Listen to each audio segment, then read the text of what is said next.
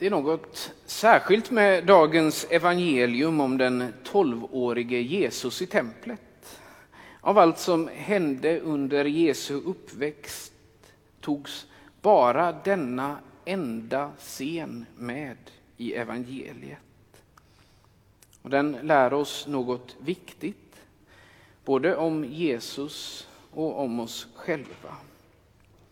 Först om Jesus, detta att han är sann Gud och sann människa.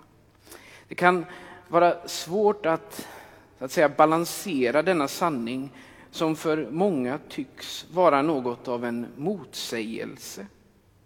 Hur kan han vara både och?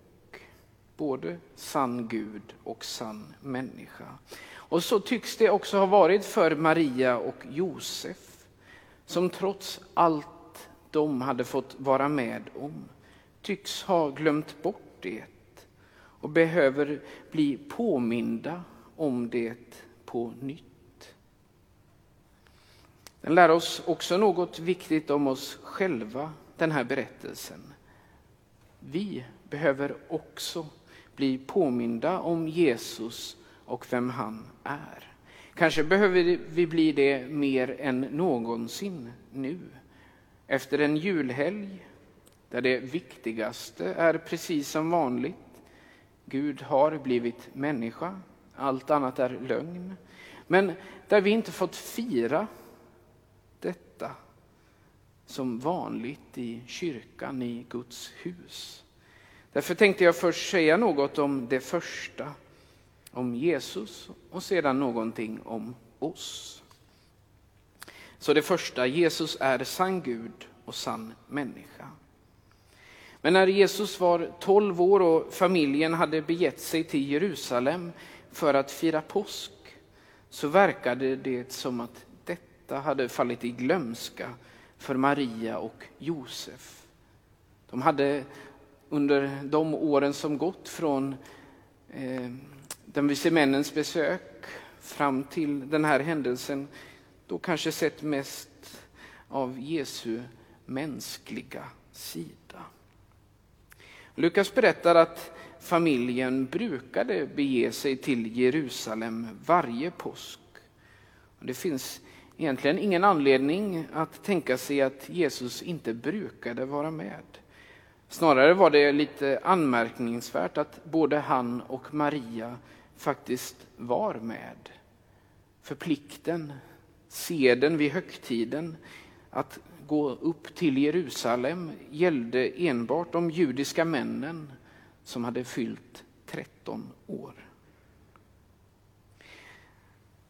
Detta förklarar inte på något sätt hur Maria och Josef kunde missa att Jesus inte fanns med dem när deras resesällskap återvände till Nasaret när påskhögtiden var slut.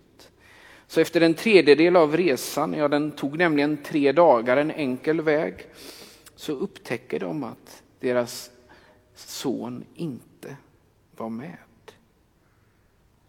Vad hade hänt? När hade han försvunnit? Var han rent av död? Ja, det är lite av ett evangelium i miniatyr som utspelar sig i berättelsen när Maria och Josef efter tre dagars letande finner Jesus i templet.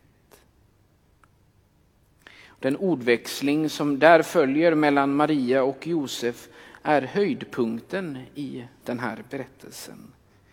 Den poängen är tydligare i vår svenska bibelöversättning än i den grekiska grundtexten när Maria säger Din far och jag har letat efter dig och Jesus svarar, visste ni inte att jag måste vara hos min fader? I grekiskan är det ett och samma ord som används för far eller fader.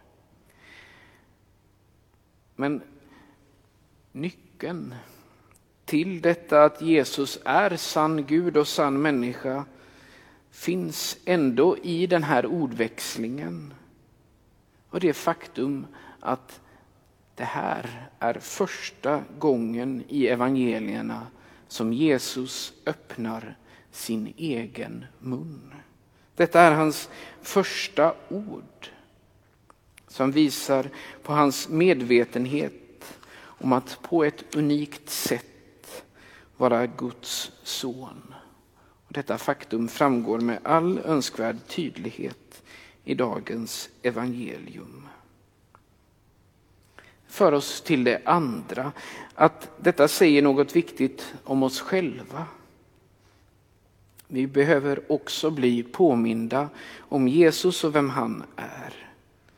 Och nyckeln till det har vi i dagens läsning ur Hebreerbrevet där det står Kristus däremot var som son betrodd att råda över hans hus och hans hus är vi. Så länge vi behåller den frimodighet och stolthet som vårt hopp ger oss.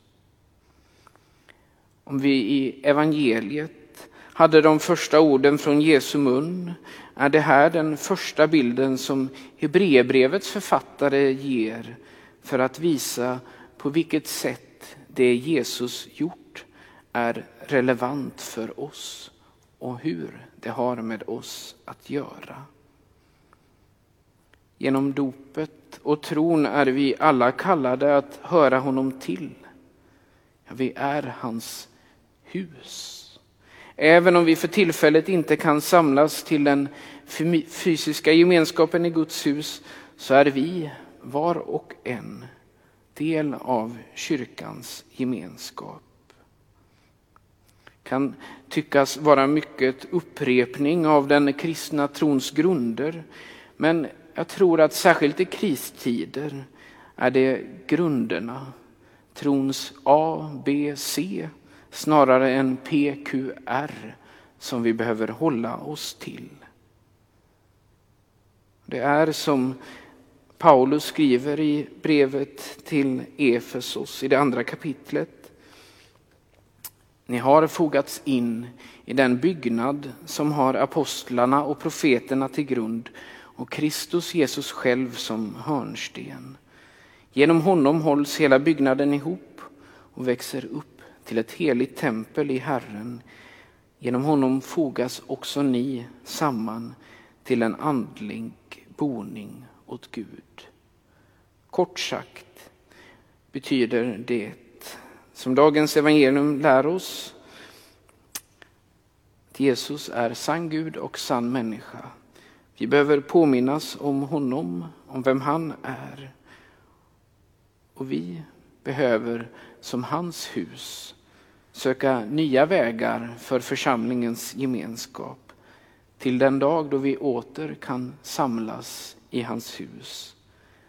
Det vill säga bjuda in Jesus också i mitt eget hus, i mitt eget hjärta och söka en förnyad förening med honom och hans intressen i den här världen. Ära vare Fadern och Sonen och den helige Ande, så som det var av begynnelsen, nu är och skall vara, från evighet till evighet. Amen.